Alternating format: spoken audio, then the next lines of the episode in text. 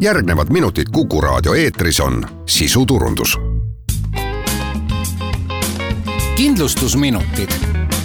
Saadet toetab Eesti Kindlustusseltside Liit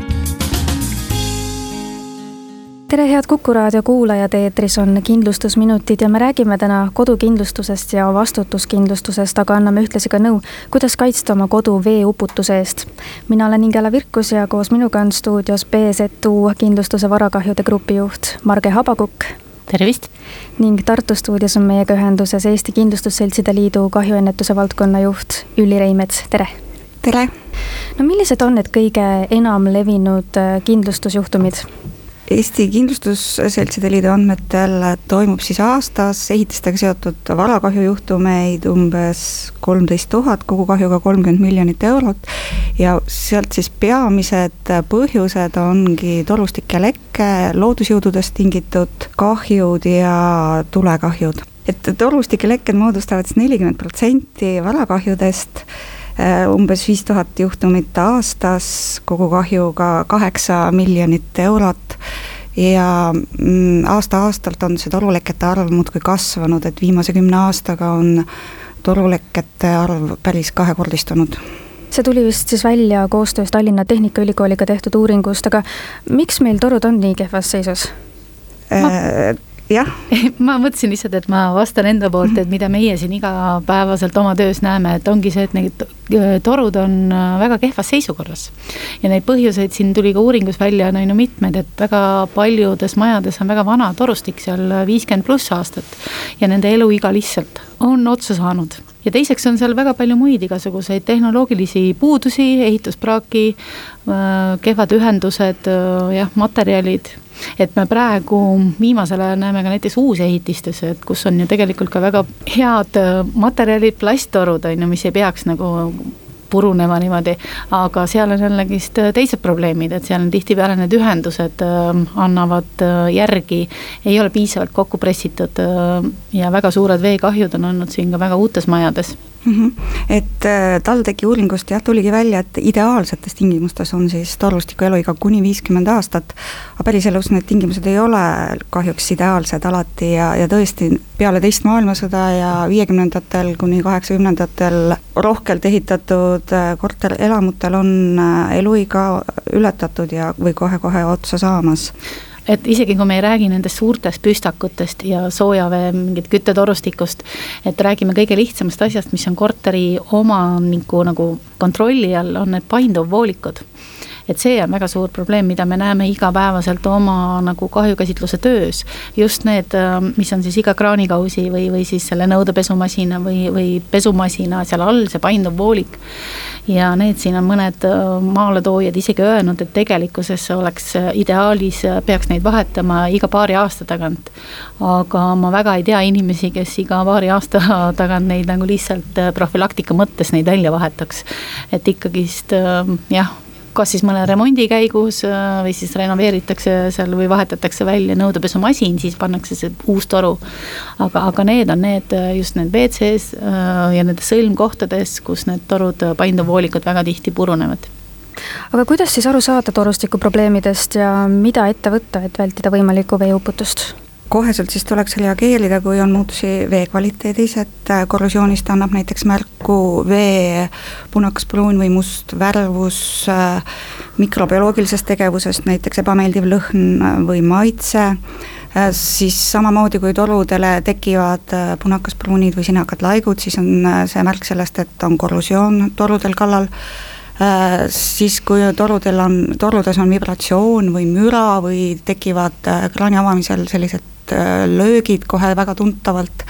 ja mida lihtne asi, mida inimene saab ise ikkagi ära teha, saab ka kontrollida oma vee kvaliteeti äh, paberistest ribadega, et, et puhta vee pH peaks olema seitse, et kui ta on siis nagu sellest seitsmest liiga palju madal või kõrge, et siis jälle tuleks äh, reageerida.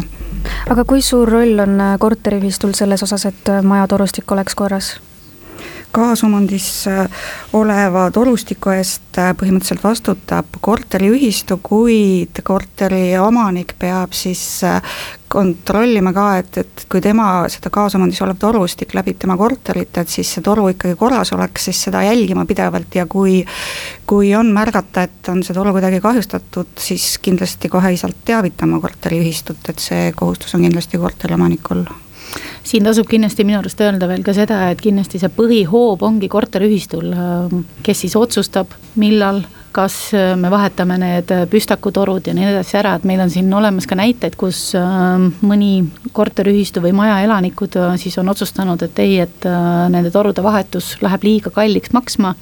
lükkame veel seda edasi ja siis on loetud päevade pärast väga suured veekahjud juhtunud ja siis ja, ei saa ka seda korteriühistut äh, kuidagi nagu milleski nagu süüdi mõista, et kui see tahe ja hinnapakkumised olid seal näiteks selle konkreetsel juhul isegi võetud. aga noh, korteriomanikud ise nagu lükkasid tagasi selle mm. -hmm. et siin jah, tasub jällegi südamele panna, et kui üle kahekümne aasta hoone puhul tehakse renoveerimist, siis tuleks välja vahetada kogu torustik tegelikult, et, et sõltumata, mis siis sellest, mis materjalist see torustik on, on, on tehtud aga mida ma ise veel teha saaksin, et oma kodu veeuputuse eest kaitsta, et kas on äh, lisaks halvas seisus torule mingeid tegureid veel, mis veeavariid tekitada võivad? ja tegelikult on oluline ka vaadata, et neid torusid siis kuidagi ei kahjustata, et ei põrkuks uksed sinna vastu või või muud esemed ei tohi riputada torude külge asju või isegi on ehitatud konstruktsioone torude külge, mida kindlasti teha ei tohi. Ja tuleks vaadata, et torud oleksid korralikult äh, siis seina või muu konstruktsiooni külge toestatud, et nad ei võnguks, kui vesi seal voolab, et tuleb arvestada, et et äh, vesi on raske, mis seal toru sees on, et näiteks kümme meetrit äh, toru kaalub kolmsada kilogrammi, et ja kui ta ei ole korralikult toestatud ja seal kogu aeg võngub, siis siis tahest või tahtmata liitmikud ja torud ka ise purunevad päris kiiresti. ja nagu juttu oli nendest survevoolikutest, painduvatest voolikutest, siis kuna see on torustiku tegelikult kõige nõrgem lüli, siis igasugused ka torustiku üldmuud vead löövadki seal äh, survevoolikutes välja ja nad purunevadki väga kiiresti, et jah, inimene ise saab päris palju ära teha. just, et meil on siin praktikas ka näited, et tänapäeval on need madalad äh, radiaatorid, mis on akende all äh,. väiksed lapsed väga tihti kipuvad seal peal äh, ronima, istuma ja nii edasi, et on olnud väga palju neid juhtumeid, kus need on lahti tulnud et äh, inimene ise peab olema jah, nagu jälgima ka radiaatoreid, neid siugtorusid, mis on äh, vannitubades, nende seisukorda, et kui sa ikkagist mingit anomaaliat seal märkad, et siis võiks sellest korteriühistule või mõnele torufirmale märku anda. aga oletame, et juhtubki halvim ja toru lõhkeb, mida siis teha tuleks? Vesi ära kuivatada esimese asjana inimestel on jäänud ka nagu mulje, et äh, kindlustus äh, õudselt tahab näha seda märga põrandat seal, aga tegelikkuses ei taha, et ega iga kord, kui see vesi sealt välja tuleb, ei pruugi isegi kahjustusi tekkida.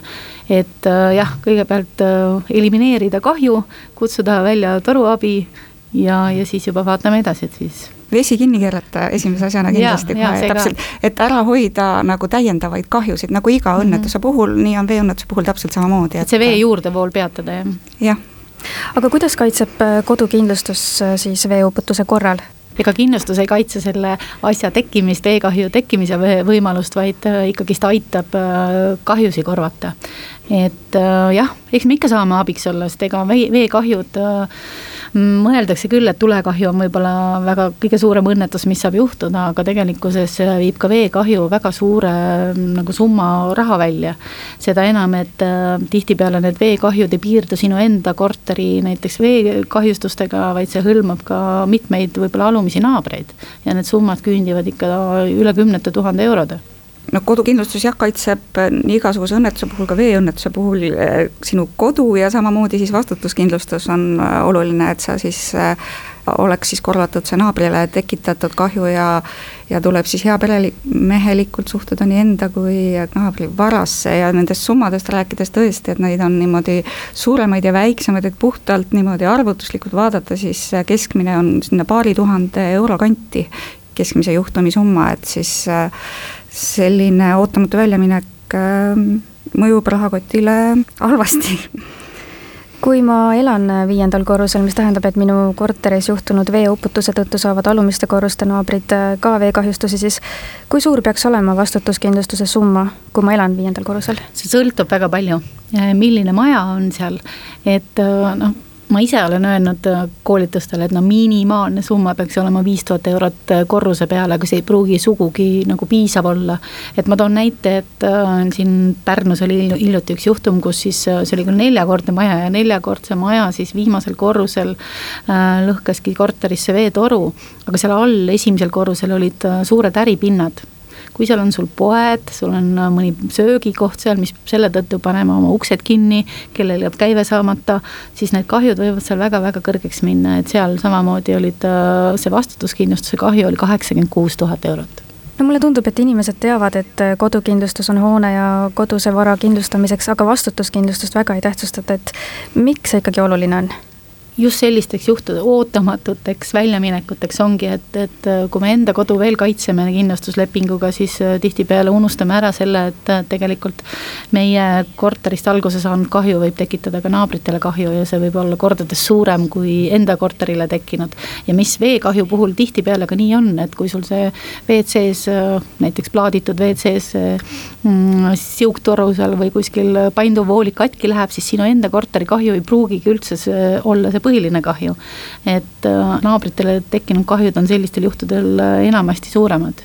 aga vastutuskindlustus ei, ei kaitse ju ainult äh, nagu veekahjude vastu vaid see pakub ka selles mõttes igasuguseid, meil on siin olnud juhtumeid, kus mõni laps on koolimaja aknad näiteks sisse visanud mobiiltelefoniga mõni laps on jalgrattaga auto ära kraapinud naabrimehel, et äh, see juhtumite ampluaa on nii lai, et, äh, et see on ikkagi niisugune turvatunne, mida see lisab igale perekonnale.